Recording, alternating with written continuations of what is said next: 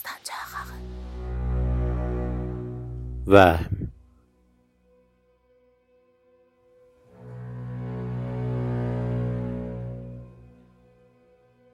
iPhone amansızca basılır. Kərkərəni qırağa vurub eşiyə baxıram.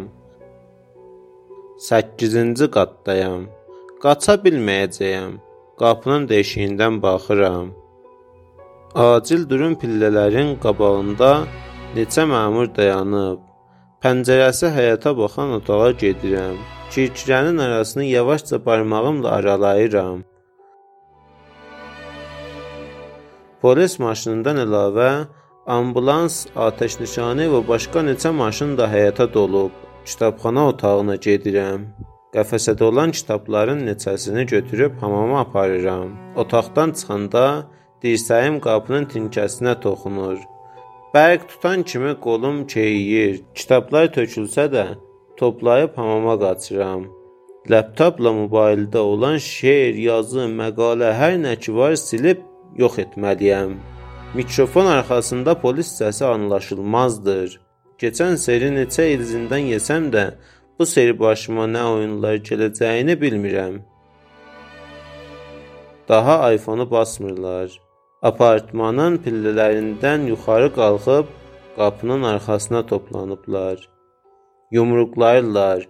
Aç tez ol səsi içində kirkirə arasından gözlərimi süzdürürəm. Hamamda yanan kitabların tüstüsü hal və otaqlara süzür. Dastancağı.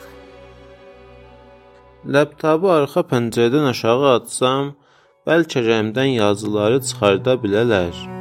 Hara soxub gizlətməyi düşünərkən, ovucumda tərləyən laptopu özümlə daşıyıram.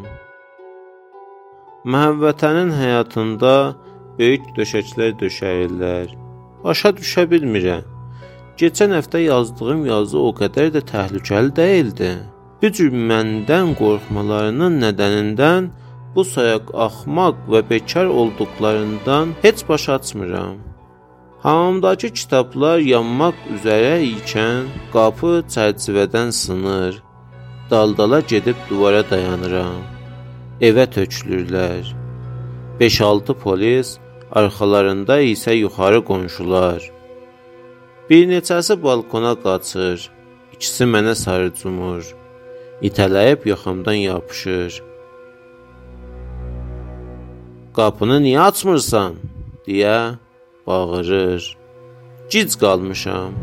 Kitabxanada olan otağa deyil, balkona qaçırlar. Tərpənmə, yapış qıçından, deyir polis. Yanımdakılar da ayrılıb balkona gedirlər. Yuxarı qonşunun özünü öldürmək üçün trasdan sallanan qızını aşağı indiriblər.